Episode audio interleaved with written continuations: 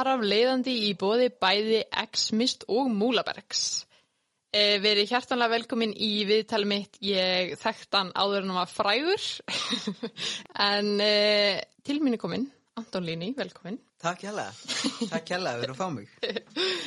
e, ég var að rifja upp á þann eitthvað hvernig ég vissi þú varst í, Já. sko, þú veist, í byrjun og það var Vestló 2019 Já, held ég alveg öruglega einmitt. Já, heyrðu. var það ekki? Nú er ég að kveika. það. Ég myndi ekki á því meður sko. En, en nú mann ég að hérna, þið voru með dansatrið, það ekki? Jú, við vorum segja það ég er nefnilega ekki alveg að kveikja með hjaltari heldur en, en það er henni saga Já, allavega. einmitt. Já, Vestló 2019 um, að þá, sko, já, varst þú að eitthvað að æfa þetta var eða eitthvað Já. og þú varst eitthvað undan mér í eða eitthvað ég var með Já. einhvern eitthvað atriðana með einhverjum dansurum og við vorum eitthvað að hita okkur upp og ég man að þú varst að syngja og þetta hefur auðvitað litið svo skringilu upp en við vorum bara að nota þú veist músikan þína í hitu og við vorum allir bara þetta er geðveik tónlist yeah Já, ég man, ég man, ég nú man ég mjög vel eftir þessu sko. En ég tók ekki eftir því sko. Ekki? Nei, ég tók ekki ég held eftir að þú hefur verið bara eitthvað ó, hvað er það að Oh gera. Nei, alls ekki. Tíu bara... stelpur eitthvað Ég held nefnilega sko, að, að það hefði orðið eitthvað, eitthvað tvíbókun sko, í hérna, ah, þannig ég var eitthvað, eitthvað var hann, var hann með hérna, Kristjánum Blæ sem var hérna umbóðsmaðurinn minn á þeim tíma og ég var eitthvað, e, já, er, er, er, er eitthvað miskilningur hér? eða?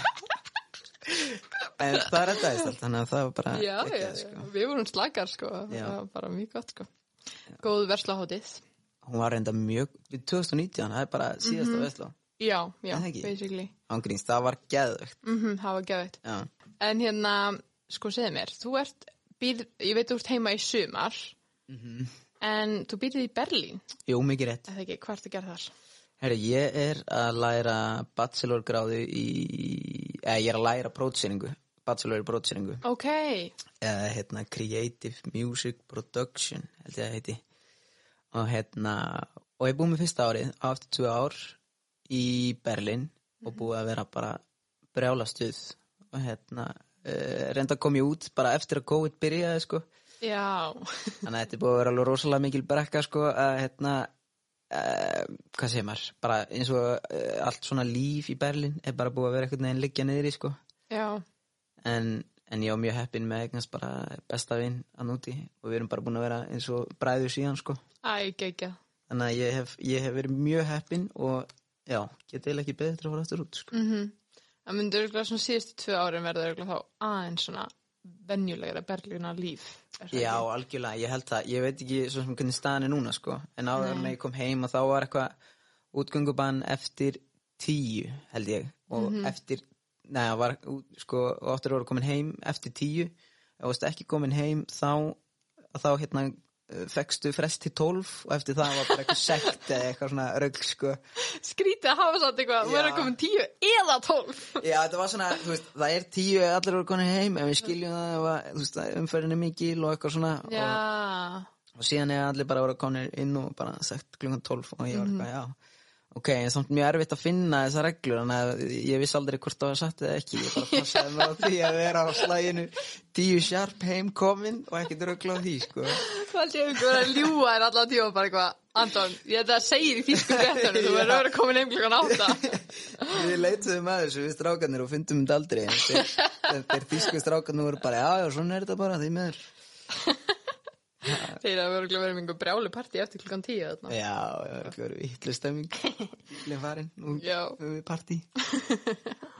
Já, Berlín er náttúrulega mikið svona listamannaborg er það Já, ekki? algjörlega sko.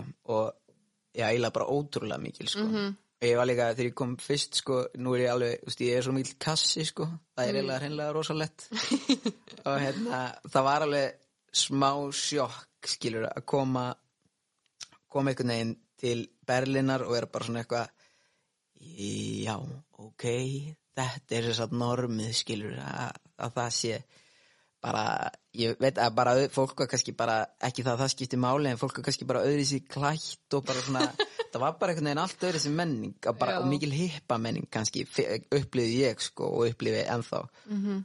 og hérna og já og, og hef átt þó nokkuð spjallu hérna góðan vinn minn Ívan Mender sem er, er einmitt svona uh, skraudlegur og skemmtilegur sko. og það er mjög skemmtilegt spjall á hann sko, því hann horfir alveg í augunum mér og sér að ég er alveg bara svona mhm og hann er hérna að tala um eitthvað sem er bara, þú veist, vika sjóndeildaríkin bara um, já, ég veit ekki hvað mikið sko Mm þannig að það er rosalega geggjað sko Já, góða æfing. algjörlega, Mhm. algjörlega Hvað hva ert að læra í skólanum? Þú veist, music production, er þetta, ert að læra að búa til tónlist í rauninni? Er það aðal eða hvað? Uh, Eða tónlistin þína þá? Já, í raun og veru tónlistina mína sko Já. en síðan er þetta líka, sko fyrsta árið er kannski svolítið mikið bara svona uh, hvað ég segja, byrjun eða svona þá erum við að fara bara yfir grunninn sko Mm -hmm. og síðan svona setna árið þá erum við alveg að fara í það að mixa og, og gera og græja og þá kannski fyrir einhverja aðra sem að við þurfum að við þurfum að finna og annað slíkt sko. Já, já. Þannig að það er hérna það er rosalega spennandi líka að- að að sé verið að þrýsta fólki saman sko, því að stundum getur verið erfitt að, að finna eitthvað sem þér finnst þægilegt að vinna með sko, því að það náttúrulega skiptir líkilatri að vinna með eitthvað sem þér finnst þægilegt að vinna með upp á að geta bara komið með góður hugmyndir og annað slíkt. Já, uh, já, algjörlega. Þannig að um það snýst eiginlega námið að, að hérna vera sko með hæfni í prótsýringu og síðan að geta mixað og, og, og masterað sko Já, ok, ekki. Hljómar er svo mjög svona nótæft nám, sérstaklega að maður ætlar að vera tónlistamæður. Ég vona það sko Já, En, annars er þetta þrjú helviti slæm ár. Nei, ég veist ekki um það Ég veist ekki um það að, hérna, að er að vera geggja og, hérna, og ég hef mikla trú bara á, á næstu tveim árum sko Mjög Já. spennt fyrir því 100%. Hva, hvernig byrjaður í tónlist? Uh, Sko, ég hef bara alltaf verið einhvern veginn í tónlist frá því ég var lítill polli sko og alltaf uh, alltaf verið syngjandi sko. Ég hef bara uh, Já, ég held að það sé ég hef bara verið síkjandi síðan að ég lærði að tala nánast sko. Þannig að hérna og í fjölskyldinu er rosalega mikil tónlist líka sko. Pappi minn og, og hérna afi minn og hérna fullt af fólki sem er mikið í tónlist og eitthvað svona hérna, í kringum tónlistina þannig að það lág eiginlega svona beinast við að tónlistin væri væri hérna mjög mikilvæg fyrir mig. En sko til að byrja með var náttúrulega eins og hjá öllum held í fótboltinn held tók allt sko. Og, og hérna en síðan einhvern veginn fór það að þróast yfir það þegar ég fór að verða sko eldri einhvern veginn að ég hérna uppgötaði Jón Jónsson og bara wow þetta er svo geðveikur náungi. Það viltu- er eiginlega rosaleg Svo ég var að hugsa á það þegar ég var að tala við þig, ég bara, þú gefur mér svo mikið Jón Jónsson vibes. Alvöru? Eitthvað, Já, ég var ángurins að hugsa á það. hann hefur sko einhvern veginn hann eh, líka einhvern veginn þá fór ég bara einhvern veginn svona að semja eitthvað svona á gítarinn, kassagítarinn og bara svona, wow, ok hérna, maður var mjög þú veist, ég var, þegar ég var hérna að klára grunnskóla var svona í mennskóla þá var ég alveg svona órólegur sko Mm og hérna algjörlega og bara einhvern veginn Jón Jónsson var einhvern veginn bara svona og bara einhvern veginn svona náði maður að núlla, núlstilla því sko. Og í hvert skipti sem maður var líka bara með gítar kannski og semja lag og eitthvað, þá var þetta veginn bara svona wow, ok, ég finn það núna bara að einhvern veginn alltaf sem að ég er með innræð með mér sko og langar einhvern veginn bara svona að missa stjórn sko. Það er einhvern veginn bara svona þú veist, eh, bara svo ógislega gott að geta einhvern veginn dundraði niður í eitthvað svona sko. Þannig að hérna, já, í raun og veru er þar einhvern veginn var ég bara, ok ég er alveg harða ákveðin í því að þetta er eitthvað sem að mér, þú veist, er að hjálpa mér og mér finnst geðveit skemmtilegt ég ætla bara að kýla á þetta já, að því mér finnst það gaman og mér finnst það bara já, ég er ekkert að stoppa það sko -hmm. Hvað var þetta þá helst svona að hjálpa þið með? uh, ég þú veist, að semja tónlist einhvern veginn, kannski bara svona ef maður var einhvern veginn að díla við eitthvað hluti, eitthvað sem er leið yfir eða eitthvað svo leiðskilur oft áttum maður kannski erfitt einhvern veginn með að hérna, að hafa kontról á því skilur og kannski sjálfum sér sko. Og síðan einhvern veginn þegar maður hlustaði á þú veist, tónlist eða spila á gítarinn og eitthvað svona, þá var maður bara svona wow, ok, þetta er kannski ekki þú veist, ég veit ekki, þetta er bara svona einhvern veginn losaði um helling sko. Og hefur alltaf einhvern veginn svona þegar maður er að spila á gítar eða syngja þá finn ég bara einhvern veginn svona ok, ég get tjáð mig á mannlegan hátt svona skilur og mínar, mínar tilfinningar sko sem að mér finnst alveg mjög mikilvægt sko Já, mjög, Mjög mikilvægt og fallegt. algjörlega Hérna, ertu til að segja þeim sem ekki vita aðeins frá, þú misti fóruldræðina mjög ungur. mikið rétt, já Hvernig, ertu til að segja frá hvernig það gerðist? Já, sko uh, árið 2020 þá hérna þá sem sagt hérna brann húsið eða kom eldur upp í húsinu uh, okkar heim á Þingri og hérna já, í raun og veru það sem að það litla sem að ég man að hérna að ég hafi vaknað fyrstur og einhvern veginn og sko pappi minn í raun og veru náði að bjarga mér sko. Og síðan hérna langaði hann um að bjarga hérna náttúrulega mömmu og litla bróðum mínum og fer aftur inn. Og þá einhvern veginn svona aðdugast eitthvað þannig að það hérna, já þannig að hann kemst ekki aftur út og ekki þau heldur sko uh, ég var, man ekki hvort ég fekk reykjutrun eða eitthvað svo leið sko. En það var það sem að hjálpaði mér rosalega mikið held ég sko, að ég var rosalega hérna, mikið í sundi að kafa. Í kafsundi og svo leiðis og mér skilst sko að, hérna, að það hafi verið svona kannski eitthvað sem að uh, hjálpaði mér líka sko að ég gætt haldið niður mér andanum í eitthvað tíma sko. Já, þannig að ég hérna já, það er svona basically að litla sem að hérna, litla sem að ég man og litla minningi sem að ég hef á þessu í raun já, og veru sko já. þannig að hérna, já, Og þú ólst síðan upp hjá ömmuðinni, eða ekki? jú, mikið rétt ömmu og afa á þingi Ömmu og afa á Þingeri. já, Hvernig var síðan að alast upp á Þingeri? sko um, Var þetta reynskilin? Þetta er safe space. Þetta er safe space Já, e, á þingeri var geggjað að alast upp sko, 100% Líka mikið bara svona maður er rosalega frjálslegur einhvern veginn, er alltaf bara nánast batni í sveit sko, þetta er bara 260 manna bæjarfélag eða eitthvað.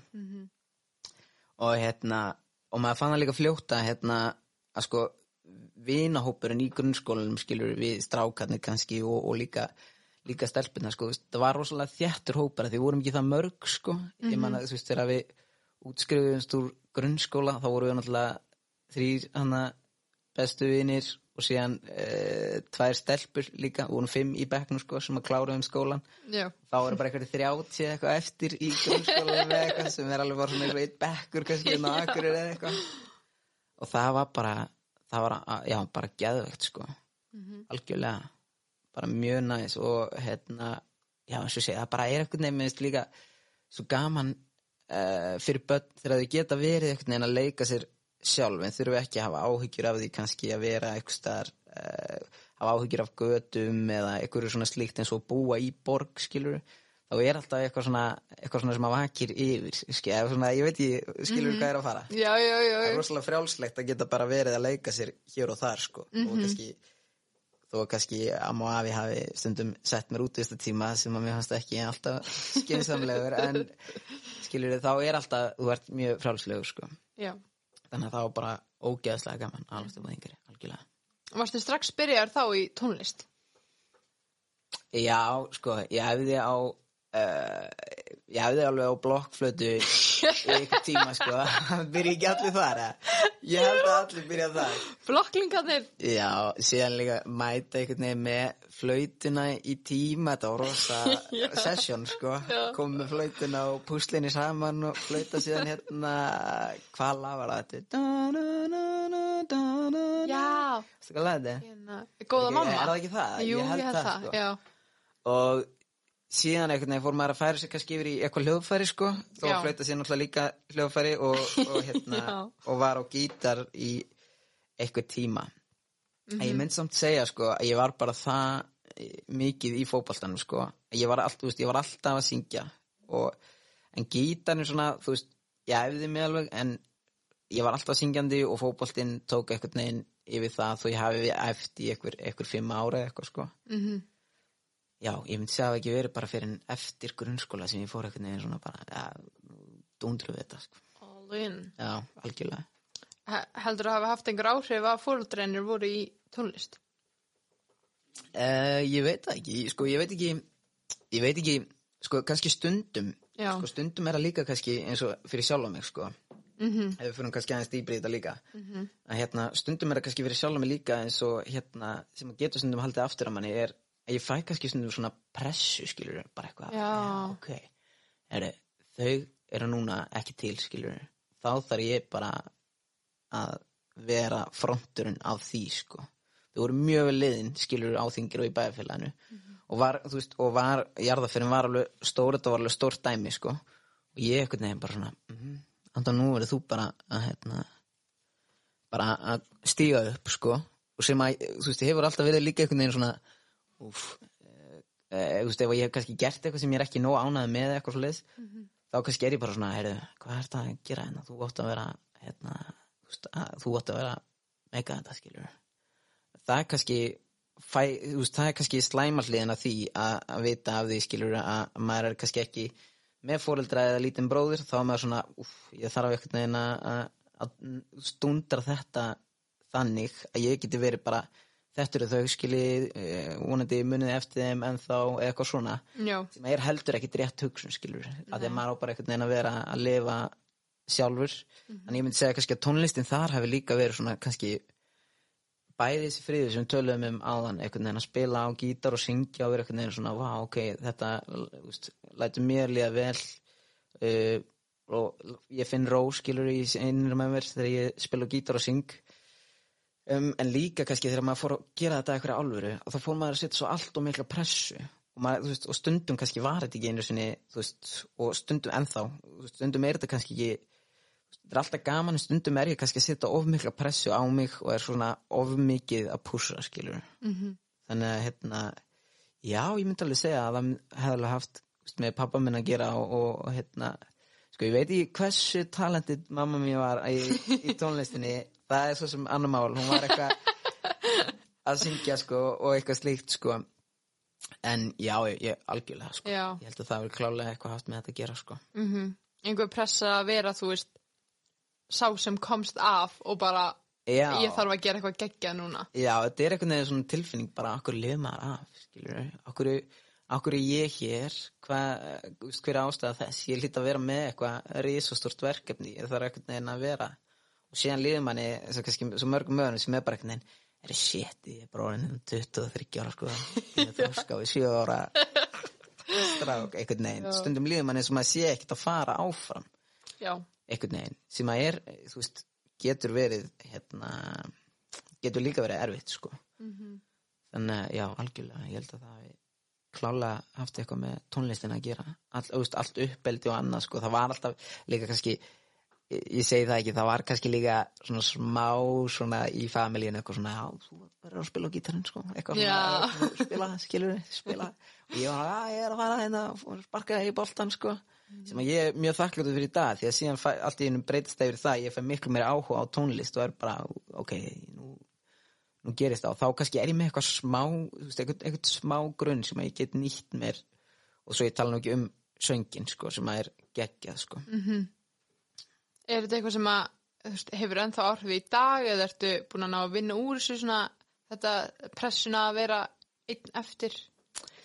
Mm, ég, ég myndi ekki segja að ég sé búin að ná að vinna úr þessu alls ekki, en ég, þú veist, mér líður mér líður þokkalega í dag sko, en ég myndi segja þú veist, kannski svona stress og mikil paranoja, skilur við, þú veist, Já. ef að maður kannski gerir eitthvað sem að maður er ekki nú ánægð með og maður er, er bara svona, "Heyrðu, þetta var ekki rétt, skilur við að þá einhvern veginn far maður líka í svona, já, það er bara rétt hjá þér. Og okkur erst ekki að gera betur, skilur í staðan fyrir einhvern veginn bara eh, gera þetta þannig að leggja þetta bara til hliðar, skilur og vera bara einhvern veginn, það gerist búið, skilur mm -hmm. það er einhvern veginn og þú veist, hvort sem það er eins og í tónlist hvort sem ég ger eitthvað vittlust í tónlist eða bara, þú veist, hvort sem það er bara já, í daglegu lífi eða eitthvað svoleiðis þá er maður, þú veist, þetta vakir alltaf einhvern veginn yfir manni og ég er alltaf rosalega tensar á því þú veist, þess að þegar ég á ammæli skilur þá er ég bara shit, ok eitt ári viðbót sem það er komið von á þessi hinn ári skilur, hvert er ég komin í dag? Já, þannig að maður er alltaf uh, kannski náði í meðvutundina að, að þú veist að grípa sjálf á mig þegar ég er eitthvað alveg að tapa með sko. Mm -hmm. eitthvað, er, já, rólega bara þú veist, þú hefur alveg tíma til þess að gera ennþá eitthvað skemmtilegt. Já, já. Algjörlega. Það er svona að kenni manni að lífið er stutt og já, kunna meta hvert ár kannski. Algjörlega sko og og algjörlega og gerir það sko. Og hérna, og stundum maður kannski alveg nógu þakkláttur fyrir það sko. Já, og hérna að geta einhvern veginn geta hafa möguleikan á því að gera það sem hann langar til í hérna í lífinu. Og síðan líka bara eh, kannski það sem að ég svona hef líka lært og er að reyna ennþá að læra er bara að þú veist bara stoppa og vera bara, er, þú ert að gera eitthvað sem að þér finnst fáranlega skemmtilegt. En þú ert samt að hugsa um skilur, ég er samt komin í þú veist, hvað ætla ég að vera að gera 2025 sko, Já. sem er skelfilegt skilur, það er ekki gott frekar en að taka bara, ok, þetta gerist í dag hvað gerist á morgun, og morgun og morgun, þannig ég er svona kannski ennþá líka að reyna að ná kontról á því til þess að hérna, að standa mig betur í því sem ég er að gera. Að vera ekki alltaf að plana fram í tíman og lifa í núinu einhvern veginn. já, Já, ég held að sé hérna mjög margir sem að geta tengt við það á, einhver, á einni annan hátt. Eða Já. þú veist, einhvern svona lítinn eða stóran hátt að vera ekki alltaf að einhvern veginn fara fram úr sér og vera bara einhvern veginn já og ég var að kaupa mér þú veist, þessa íbúðin en eftir fimm ár þá kaupa mér sko þetta hús og það verið Já, geggjað þannig er maður ekki að meta það sem maður er með núna eða eitthvað skilur við nei. Já, meta líka bara það ferðalag sem þú ert í sko. Mm -hmm. Ég, þú veist, að það gera allir þú veist, það, stíga allir einhvers staðar fylspor eða eitthvað svoleið, skilur en bara líka kunna meta, meta þau því að þau, þau líka gera mann sterkari heldur en maður er og einhvern veginn, og líka bara mikilvægt að hérna, sem að, bara að geta mætt til kannski sálfræðings og vera bara herði, ég er bara gjörsamlega ónýtur sko núna, það er bara þannig því miður að því að þú veist, maður hefur kannski upplegað það líka skilur að vera bara eitthvað, nei er, ég er ekki að fara sko, veist, ég er ekki búin að missa vitið skilur, já, ég er alveg slæmur kannski en ég er ekkert að fara skilur til sálfræðings, þú veist, ég er bara að fara hérna að leika með með strákunum og, og that's it. Mm og síðan allt í einu þegar það er búið og þú ert orðin einn aftur þá ertu bara svona, wow, ég, hvað hef ég að gera skilur Mhm.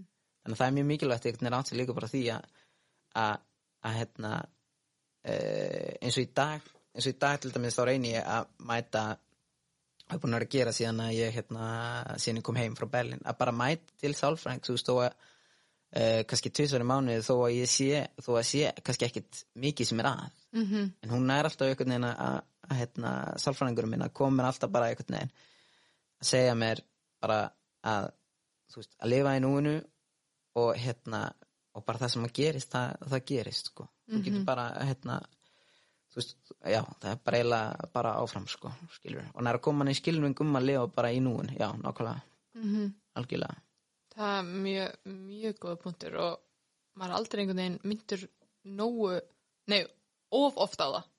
Það er einhvern veginn alltaf pláss fyrir það. algjörlega, sko Og er þetta, hérna, ég veit að við vorum að tala um að þú ættir ekki að hafa framtíðaplun, en hvað hva er það sem þú ert alltaf að, er það tónlistin í framtíðinu sem þú ert alltaf bara, ég verð að plana þetta, ég verð að plana þetta. Já, skil, já, algjörlega, það er tónlistin sko. Já. en uh, líka kannski veist, að fylla einhvern lista sem maður er með skilur, bara eitthvað, já, hérna þetta er eitthvað sem að mér langar að gera skilur, og maður er kannski búinn þú veist, þess að ég manna, það var ég var líka, það var, þú veist þegar ég var yngri, þá var ég bara, ok, ég gæti aldrei kafað, ég er bara það hrættur við það sem er í sjónum að ég, þú veist, ég bara næði ekki, sko. Og síðan einhvern veginn fór ég að hugsa þetta eitthvað svona og var okkur svona low seasoni og var bara eitthvað herði ég er bara fært til Egyptalands í þrjár vikur og hérna nú bara kýlu við á þetta. Það er ekki, þú veist, eh, það er ekki svo ég sé að fara að koma bara eh, í ykkur verð skilur tilbaka eða eitthvað. Það versta sem gerist er að ég kem bara tilbaka og segja "Eh, þetta var bara ekki fyrir mig. Mm og prófaði bara að dundra á þetta. Og fór hann í þrjár vikur til Egyptalands og, og skoða hann Egyptaland og fór sína að kafa og eitthvað svona. Og var bara, þetta er bara þetta er það lítið mál að ég geti alveg mér að gera þetta miklu oftar sko, eitthvað neginn og hérna, eftir að hafa kafað þarna í viku eða eitthvað í Egyptalandi þá kom ég heim og hérna og kafaði ekkert svo mikið og síðan kíkti ég hérna út á hjáltiri til Já. Ella og Sæfur Aha! og hérna og þá einmitt einhvern veginn tók ég svona dræsút námskeið þá þeim sko og ég síðan, þú veist, mér liði bara svo þau séu bara bara fjölskylda mín í dag sko, mér, veist, mér þykir það væntu þau, þau eru búin að lefa mér að, hérna, að taka hana dæmastir og, og hérna já bara er, ef einhver langar á hjaltir þá bara mæli ég með að kíkja Já, þangað, sko. þetta er geðveikt sko. Ekki að kemur það tengið. ekki? Jú, ég bara, hvað var ég að gera á hjálstæri? Já, alveg rétt, alveg rétt, auðvitað.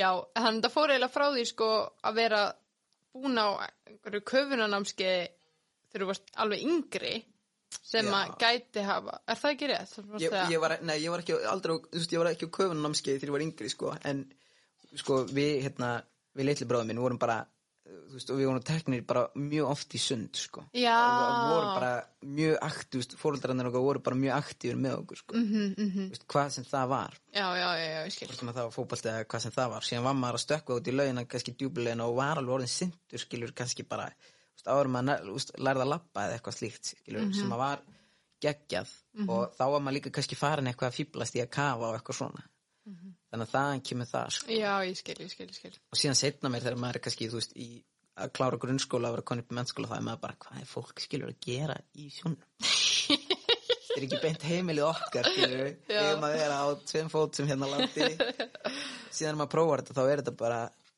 upplifun og, og hérna já og kemst maður að því að þetta er miklu örgara heldur en heldur maður er Já. haldið sko þannig að já en hérna aftur að þessum bucket lista sem ég var að tala með svo þú veist maður er alltaf að drífa sig einhvern veginn að gera alla þessar hluti ég veit ekki hvort að þú tengið það sko Mhm.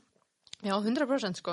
maður er alltaf einhvern veginn að bara án 300 sko, en Já. þá að gera veist, en þá kannski í tónlist hérna eitthvað síðan bara heyrðu, já, nú bara drífum mig á stað, skilur, þetta er það sem ég langaði að gera hérna líka, í stæðan fyrir að vera bara heyrðu, já, samt vonandi eftir veist, bara einhver, einhver ár sem ég get, skilur, líka nýtti þetta þú veist okkur ekki bara einbytt sér að því sem að og að þeim stað sem maður er í dag sko. Já, já, 100% sko. Já. Mér finnst ég alveg búin að vera að þurfa að vinna í þessu síðasta árið sko, að vera ekki bara, vera útskrifast og bara, "Æ, ég er svo ekki að vinna og svo bara, "Ö", og svo ætlum ég bara að vera búið með fyrirlum minn áðan að byrja þar og þú veist, maður stundum alveg komið fram í að segja sko. algjörlega sko, það er svo nákvæmlega sama hjá mér sko, þetta er eitthvað sem að er líka bara þetta er eitthvað sem að ég er bara að- er alltaf að reyna einhvern veginn að vinna úr sko Mm algjörlega Svo má maður ekki gleyma því eins að þú ert búin að gefa út fullt að geggjum lögum áður en þú byrjar með þess að í háskólanámi að læra það sem þið langar að læra.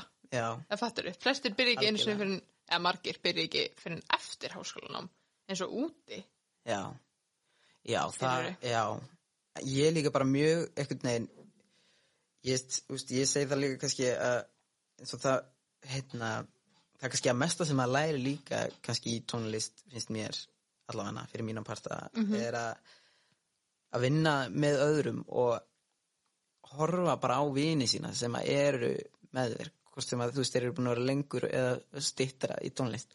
Að þú veist, þú veist alltaf að fá eitthvað nýjar þú það er alltaf að koma upp eitthvað herðu, ég var að sjá þetta hérna, þú veist, búin að tekka á þessu? Mm -hmm. þetta er kannski ekkert eitthvað sem þú veist að fá í skóla þetta er kannski eitthvað sem er bara að gramsa skilur í tölvun finnur síðan bara eitthvað svona störla stöf og er síðan bara, herru, tjekka á þessu skilur þannig að þú veist ég heldur kannski ekki að segja að allir þurfi að fara í háskóla og eitthvað svona að drífa sig í það af því að ég veit að, að hérna að við erum alltaf með YouTube og, og fullt af í dag sko og uh, ég þekki bara nokkra stráka sem eru bara búin að fara alla leið með þeirri leið sko. Já, nákvæmlega. Og þetta er líka bara eftir hvernig maður fungerar og hvað hendar, skilur, skóli eða bara pröfus áfram eða algjörlega, algjörlega. Ég, veginn, ég hugsaði með mér bara já, mér langar bara einhvern veginn líka að prófa eitthvað nýtt að, veist, að vera sko eh,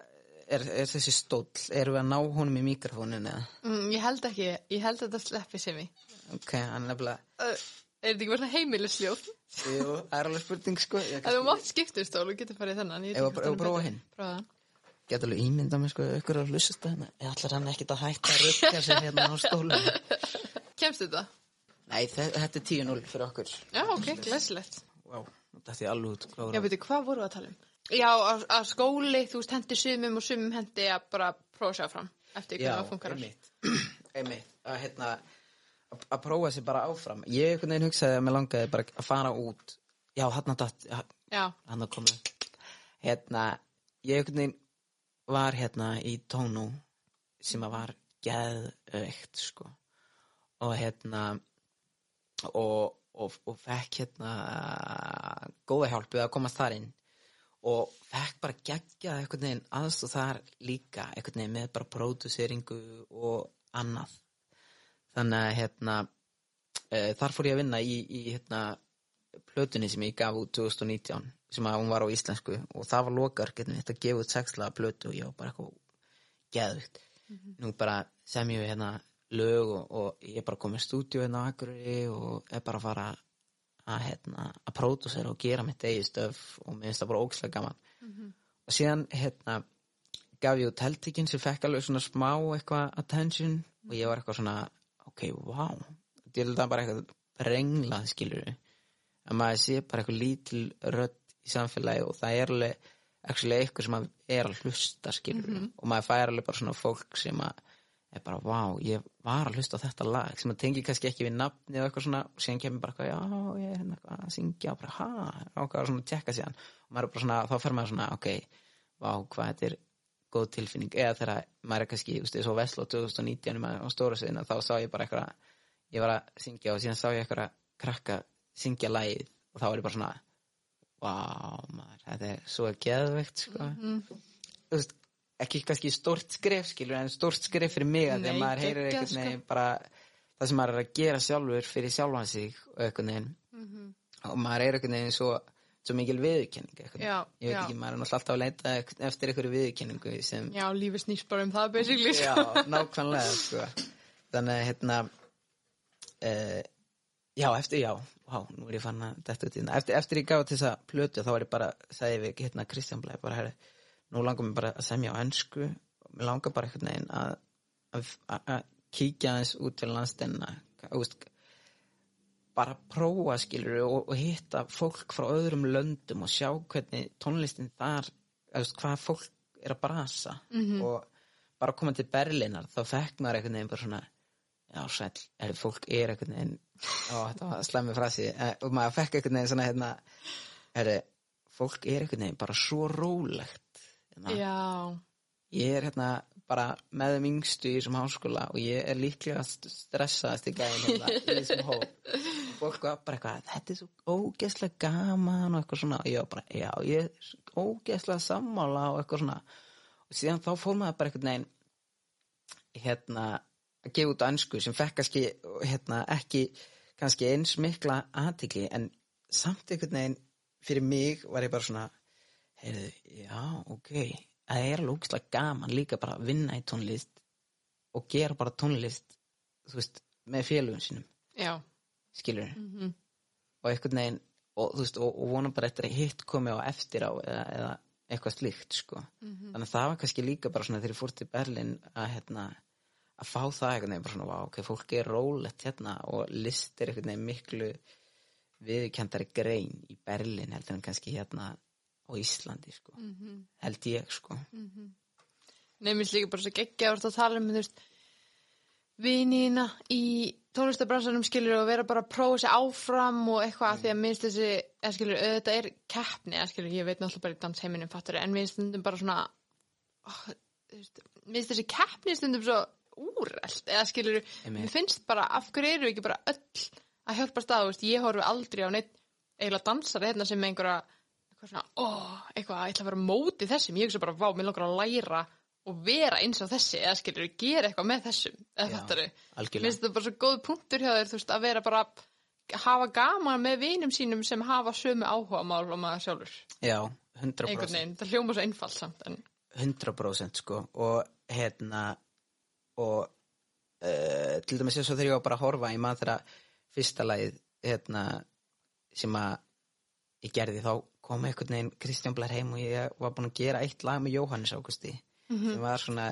sjátt út á hann, já, mestu meistari, hann er ángríns bestur. þegar ég tala um, um vinnu mína sko og læra á þeim þá er þú veist, Jóhannes Águst hann á risastónum partí Já. sko. þetta er snillingur sko. Hann er geggar, hann gerði stefi fyrir podcastið, í alveg já, hann. já, þetta er líka mjög gott stef Já, það var mjög gott stefi hjá hann, ég ætla ekki að taka neitt kredit fyrir það, alls ekki.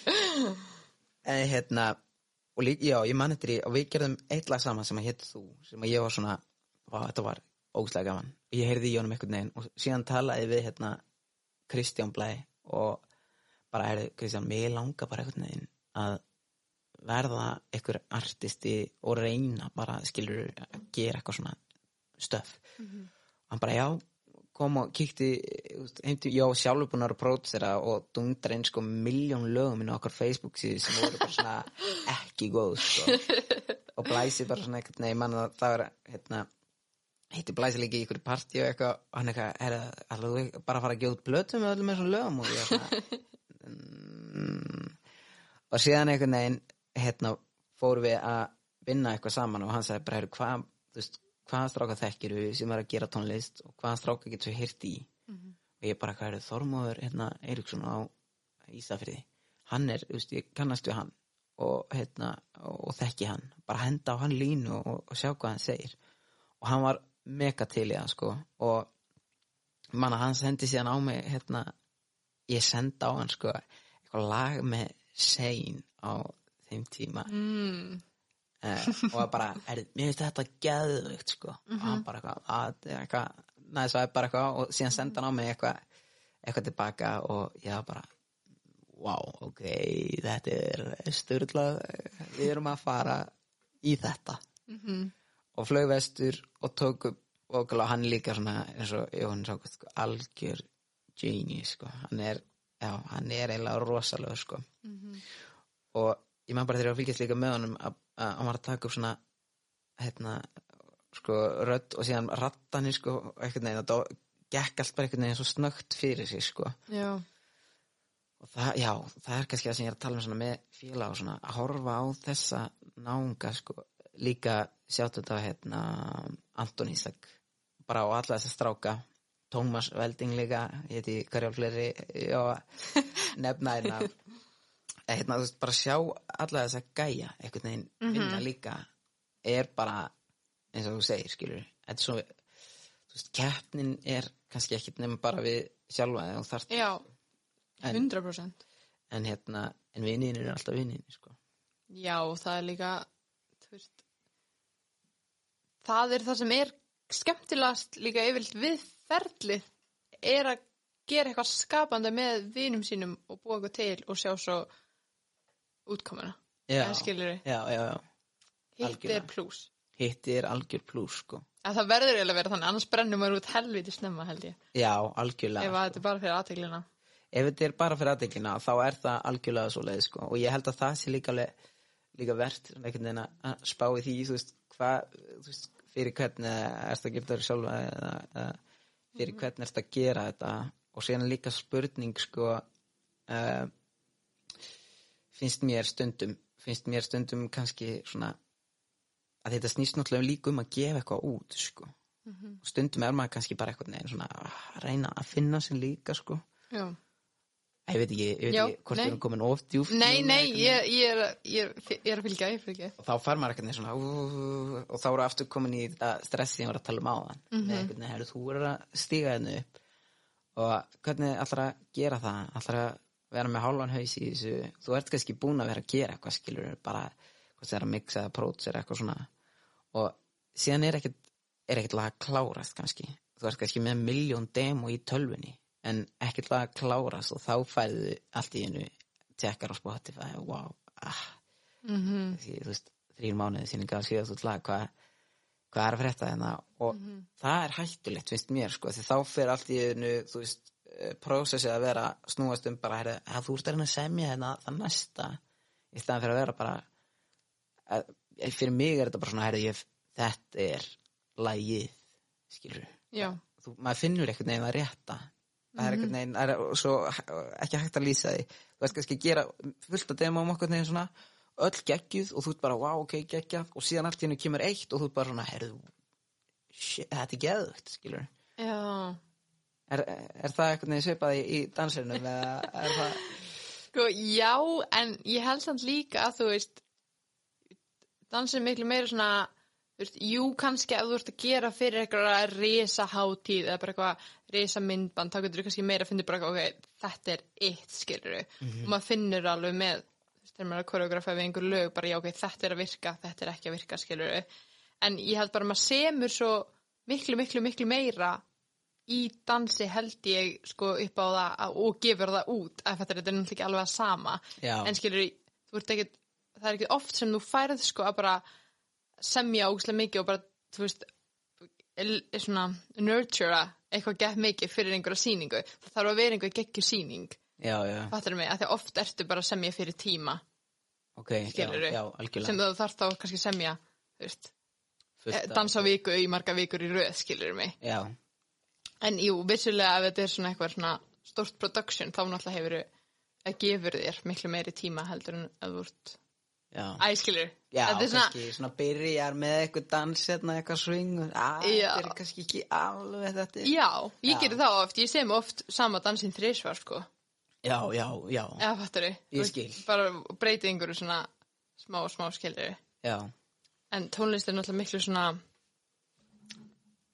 þú veist, það er miklu stærra fyrir almenningi, skilur Það er enginn sem fílar ekki tónlist. Nei, Já, ok. Nei, ég, ég held ekki Ég von ekki, skilur. En það er fullt af fólki sem bara svona, já, dansi, já, já, flott, já, já, það, flott ég þeim, eitthvað, ég nenni ekki ára þetta, skilur mig, en það er rosa fáið sem bara svona, nenni ekki hlusta tónlist. Já, En ég held að það sé miklu svona, tónlist er miklu, einhvern veginn stærra level fyrir þjóðinni. Já, Skilurðu mig? Já, klálega Ég, hérna, algjörlega og það er held ég bara, já, bara ég held að tónlist sé eitthvað tólkun, sko Mhm. og, og það er eitthvað kannski sem að fólk líka leitar í, í hérna ef að ég held að, ég held að flesti gera það, kannski ekki kannski er ég að miskila, sko, nú er ég bara eitthvað að giska Mm -hmm. en þú veist, ef fólk er eitthvað þungt eða líður eitthvað á eitthvað ákveðin hátt sko að að hérna að, ég held allan að, að flesti leiti svona kannski í tónlist eða eitthvað líkt sko, eða allan eitthvað svona allan mín upplifun sko. Ég er reyndar sko amma mín hérna fyrir norðan sko það er hreinlega galið hvað má heyrast lítið í tónlist sko.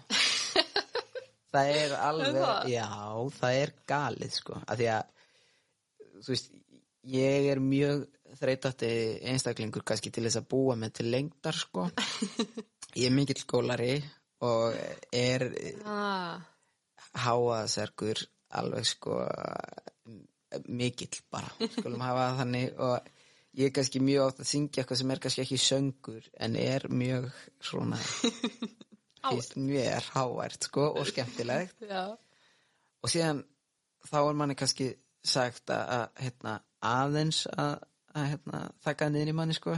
Mm skilur og þá setur maður kannski eitthvað í tækið sko. Og þá fær maður eitthvað svip sko. Þá er of hátt í tækinu. Og ég hef aldrei heldur hleyft hann að hlusta á tónlist. Í alvöru. Að- bara ég hef ekki heyrt hann að það nei ég held í alvörinni ég veit um sko eitt lag ég mann þetta ekki hvað heitir sem að svona ég veit á fílar en ég sverða. Það er bara ekki það heyrist ekki múk sko. Það mætti heila sko saumnáld þetta þegar maður kemur heim og það er svona. Ok Já, það er áhverð, líka skemmtilegt að það sé, amma þín sé þetta hérna 0,1% sem við vorum að tala um. já, já, það er magna já, Mm. Það sem við vorum að tala um áðan var, veist, að búa til verkefni fyrir sjálfan sig, eða skilur við, hvernig, hérna, hefur það alltaf verið eitthvað sem þér fannst heillandi að demba þér út í þetta og bara svona, ok, ég verð bara, það sem ég ætla að fá borga fyrir verði bara að fá borga fyrir, skilur við, Já. eða var einhvern veginn eitthvað, herði, nú skræðum ég viðskiptafræði. Eh, sko nei ég er líka, veist, ég er mjög glataður í, í, í almennu námi sko, hef ekki útskrifast úr, úr mentaskóla sko Mm. og bara já, ég held sko ég held að það sé alveg örugt mál að ég hafi verið með þeim slökustu sko í mentaskóla, það var svona Okay. ekki. já, bara léleg mæting og, og, hérna, og var a- bara ekki einhvern veginn að finna mig sko. Mhm. hafði lítinn lítin áhuga á því kannski að að mæta og svo leis, kannski margt sem að veist, spilar þar inn í sko. En hérna en, en ég bara alltaf þegar ég hef sko, haft áhuga á því sem ég er að læra þá er ég einhvern veginn svo 110% sko Já, þannig að það þú veist, það lág kannski beinast við og þegar ég sko fekk einhvern veginn að vita bara, já, hörru, þú getur farið hérna upp í mennskólan hérna og hérna verkmennskólan á Akureyri og, og tekið hérna líka eh, í tónu sko, og lagt það saman og fekk hjálp, sko, frábæra hjálp fyrir að, hérna, komast þar, þar inn. Síðan fljótlega fór bara, sko, að dvína í, í Vafuma og einhvern veginn, en mjög góður enganir í tónu, skilur. Mhm. Og þá einhvern veginn var svona, þú veist, hvað gerir maður núna? Og ég fór til Danmarkur í, hérna, Vo Complete Vocal Institute og var þar í, í hérna, þrjá mánuði í ykkur svona academy dæmi Mm, og þá var ég bara svona, já, ok veist, ég get alveg lært, sko, ég er ekkert skrítin, ég þarf bara virkilega að hafa áhuga á því sem ég er að læra Mhm. annars einhvern veginn er mjög fljótur að þú veist, taka bara hliðaskrefið og öðulduleðina bara og já, ég hef ekki að samkvæmi sko, þannig að og eftir það að þá er ég svona, ja, ok, þetta er geggjað.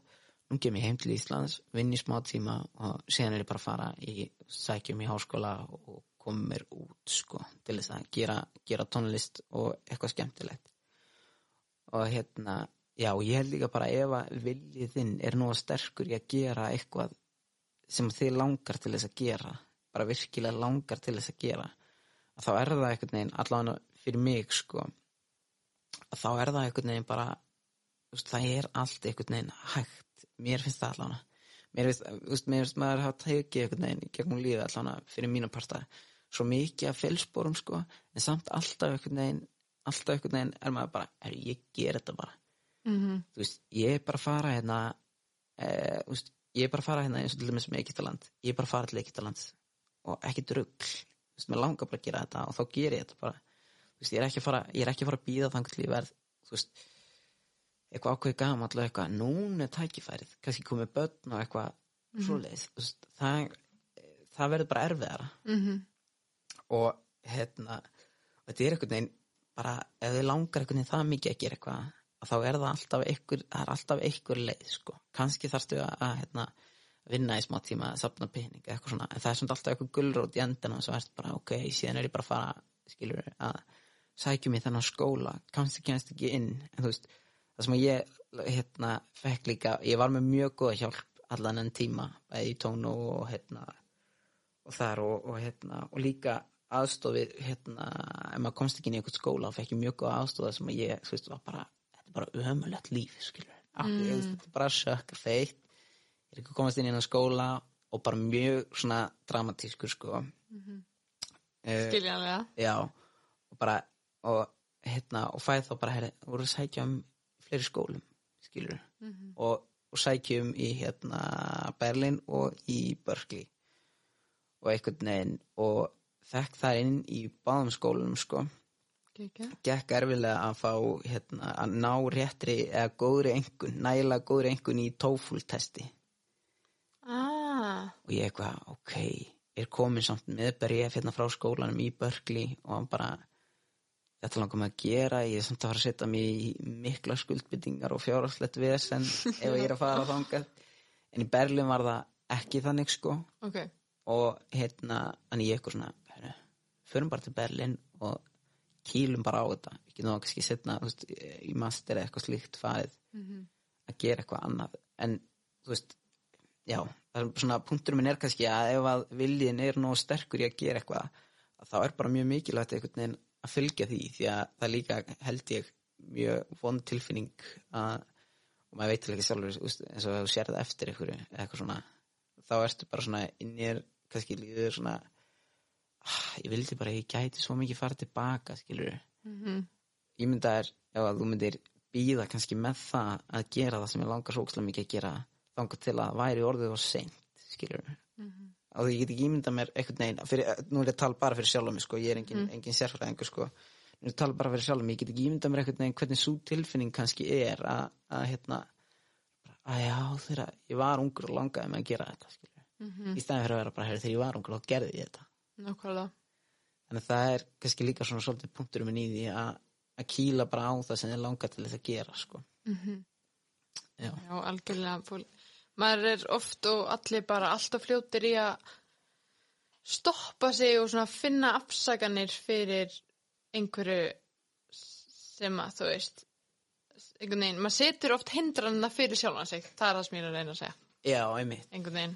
Ég hérna, var ég að svara spurningunni? Eða Já, ég- ég held að ég maður ekki eins og hvað spurningin Nei, var, en ég- ég held það. Þetta var rosalegt, maður, ég allt í henni greif sjálfum bara, við þau, hver, hver var ég að svara, hérna, Nei, nei, nei, nei, og þú ert ekki svo fyrsti, sko, að það er bara geggja, ok, það er bara gott að fara flug og tala, tala, tala. Geggjað. Þetta voru allt mjög góða punktar og mjög áhugaverðir, þannig að no worries. ok, Hérna, þú hefur hans talað um, eða, varst að segja eins og áðan að þú ert mikill kvíðakall. já. Hefur það eitthvað áhrif á, þú veist, tónlistina, skilur, eins og að performa bara á Vestló bara sunnudeginu bara með hversu mann, skilur. Já, það gerir það, það gerir það og Já.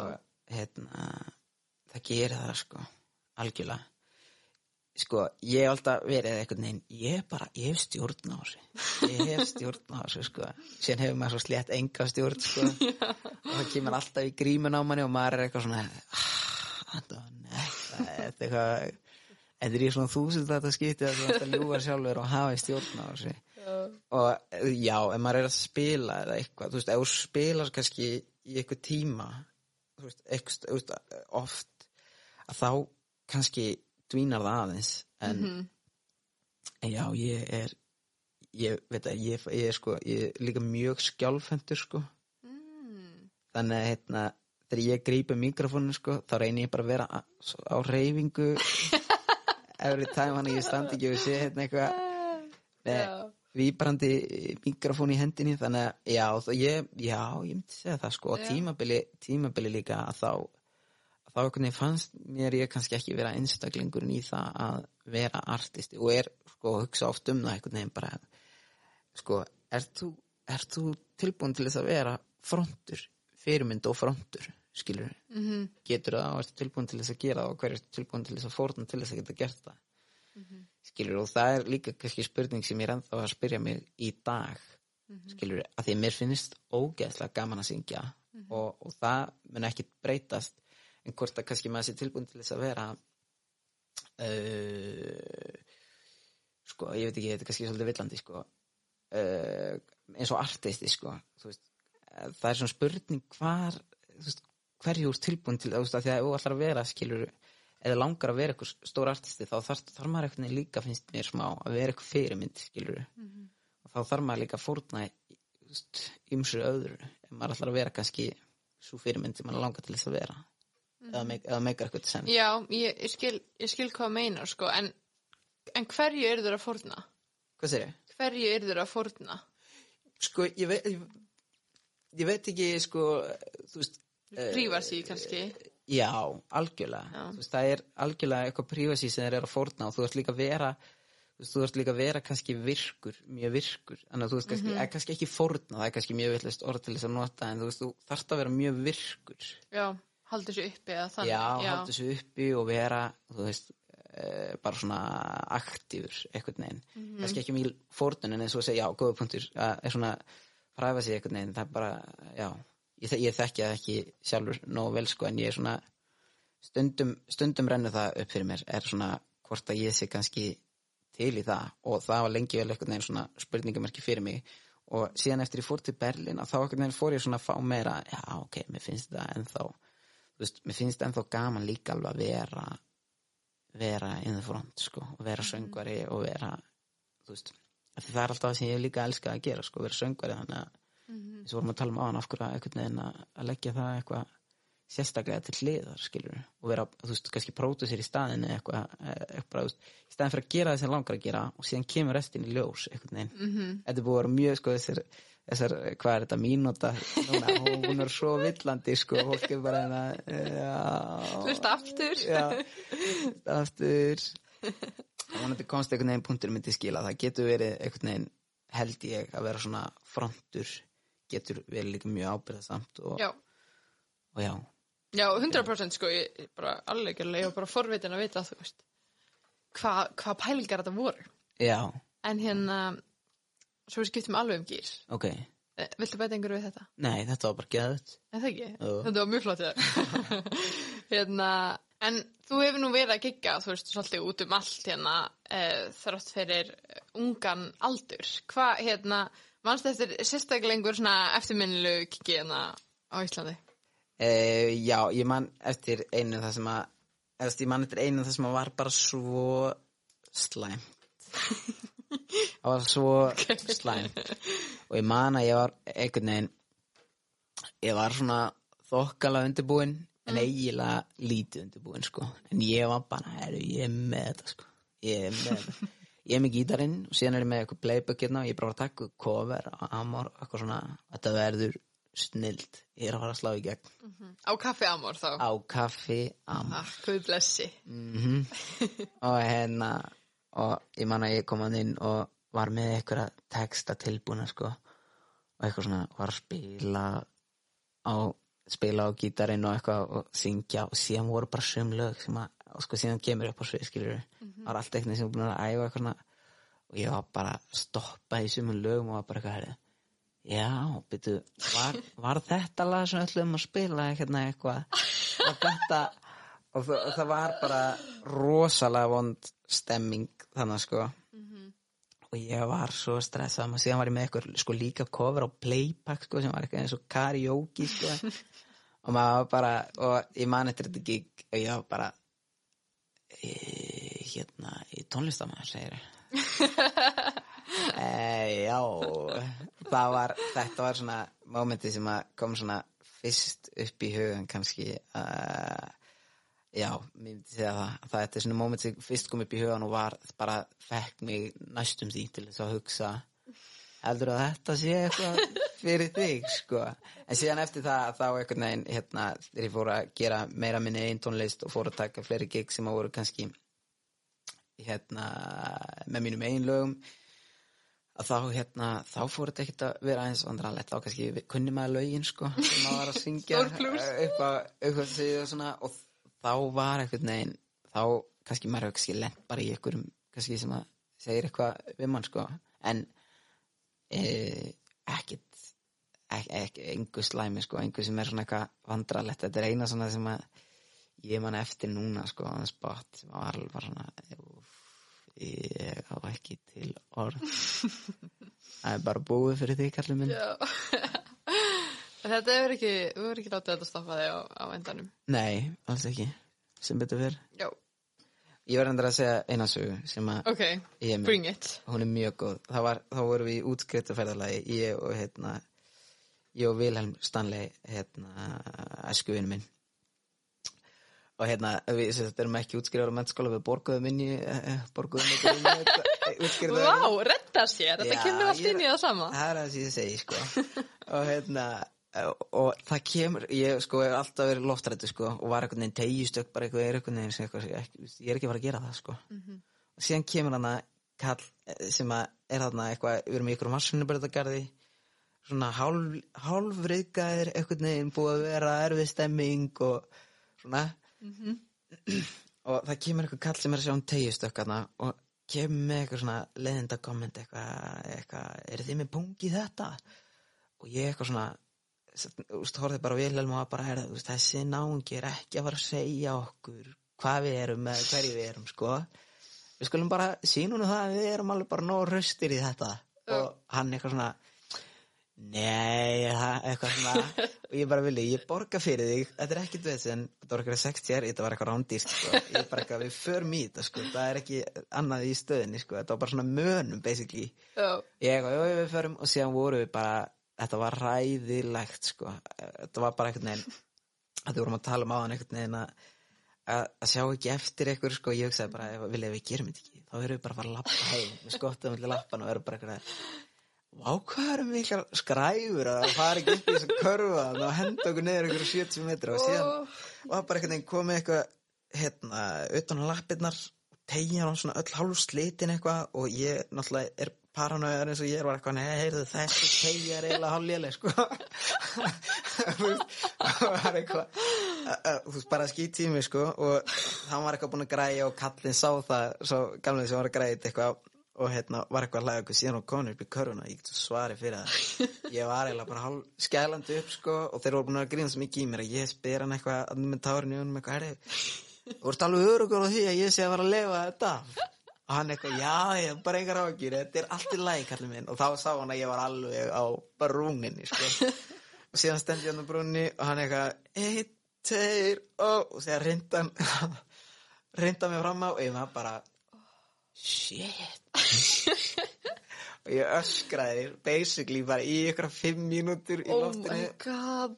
og síðan vorum við þetta við vorum bara svona wow, erðu, Vilhelm, við erum menninir í kvöld. Það er ekki flokkar að það við erum að fara að fá þess að bóli hérna sem stendur á eitthvað I survived. Ég maður sko villi fór í honum á fróðidisko sko Já. og kom í bólnum sko þegar við áttum að fara í rútu klukkan 8 um morgunin aftur hérna til Barcelona, vorum í Lordamar hann kom sko í bólnum bara í hérna í lestina, aftur, nei, í rútuna aftur með solglerun var örgulega ekki búin að sofa sko mikið Já. og stemmingin hún var rosaleg og lyktin líka var bara, þetta var þetta var klálega uh, besta saga sem ég á til alveg Þetta er mjög góð saga, sko, hérna, þetta er svona þegar egoið fyrir með mann. Já, einmitt, já, vorum að tala um það mm -hmm. Ego, það er svona, einhvern veginn hann kom bara einhvern veginn águr og var hérna heyrðu, heyrðu þið með bungi þetta eitthvað og ég var bara, heyrðu þessi náungi, sko, er hann er bara ekki að fara að jafn okkur og jörði, sko, við erum að fara sínunum að við séum menninir eða, sko. síðan er einhvern veginn þegar ego er búið að taka yfir Já. og þú ert svona á yes, sko, og þá áttu að fara að gera það sem að beðið um, sko, þú ert svona Já. Nei, þetta gengur ekki, sko. Það var einhvern veginn ekki hægt að bakka út heldur að þetta er... Já, svo, svo, já, sjá, sjáumst. já, já, einmitt. Og mér bara einhvern veginn, maður er, ég veit ekki okkur, maður er svo einhvern veginn, kannski eru fleiri einhvern veginn að hérna díla þess að maður er alls svo stressaður eitthvað, eitthvað svona, er þú veist, tegja, litli spottar, svona slitnir, erum maður að skrifa eitthvað á pappir ég eitthvað vilja, er það alveg vissum þetta, eitthvað stóð á viktin eitthvað, vera vikta mig til þess að vita hvað tegja Oh my god. það var bara með leið eins og þetta, sko, þarna væri skemmturinn orðin of mikil og þetta, sko, myndi verða mér að falli. Já, en ég liði þetta og fekk bólinn á hann ennþá heima og ok. Ramman inn kannski og... Nei, en ég nota derhúna ennþá, sko, Ok. sem heitir, uh, uh, já, hvað heitir þetta? Þetta er ba- ba- bouncing jump, nei, base jump. Þú getur logið öll að mér, örgla. Base jump, já. já, já, já. Jésús Kristur, sko. Ég verð sko, ég fær svona stress við að heyra þessi þessa sögu og eina ástæðan fyrir ég er ekki sko að paranoið yfir mig er að þú ert hérna, ég veit þú leiður þetta af. Já, Þetta er, þetta er, ég myndi aldrei gera þetta. einmitt, ekki ég heldur, sko. Aldrei, já, segir þú. Nei, í alvörinni, þetta var bara, þarna var veist, þarna var, þú veist, egoið bara komið og, þú veist, maður fær einhvern veginn svona komment, sko, Mhm. -hmm. maður er einhvern veginn bara, er ég er með breytt baki, tek þetta kassan og, og segja henni bara, ég sé að fara í þetta tegist, sko. Líka einhver maður sko sem þú myndi aldrei hitta aftur Nei. allri þinni æfi. Mér fannst ég líka, hugsaði líka við Villa, sko, ég hugsaði, og var eitthvað að spá þessu með Villa, ég hugsaði, sko, hvað erum við líka að fara að gera ef að það er búið að byggja okkur um að fara í tegistök? Mm. Að því að hópur á svona faran og undan, við vorum bara svona tveir veginn í mm. sko. um, hérna, og ég hugsaði með til Villa bara, að hvað ætlum við síðan að segja við hérna sem að, að kannski að fóru ykkur rítið tegistök, ætlum við bara að segja, já, bóð okkur, bara þorðum ekki.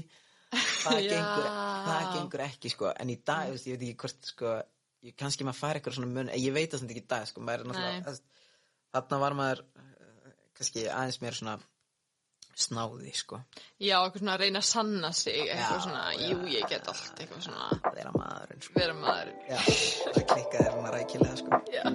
Þeir eru bara, takk kærlega fyrir að koma, ég bara, minnst þú verið allir fyrirmynd Takk hjá fyrir mig.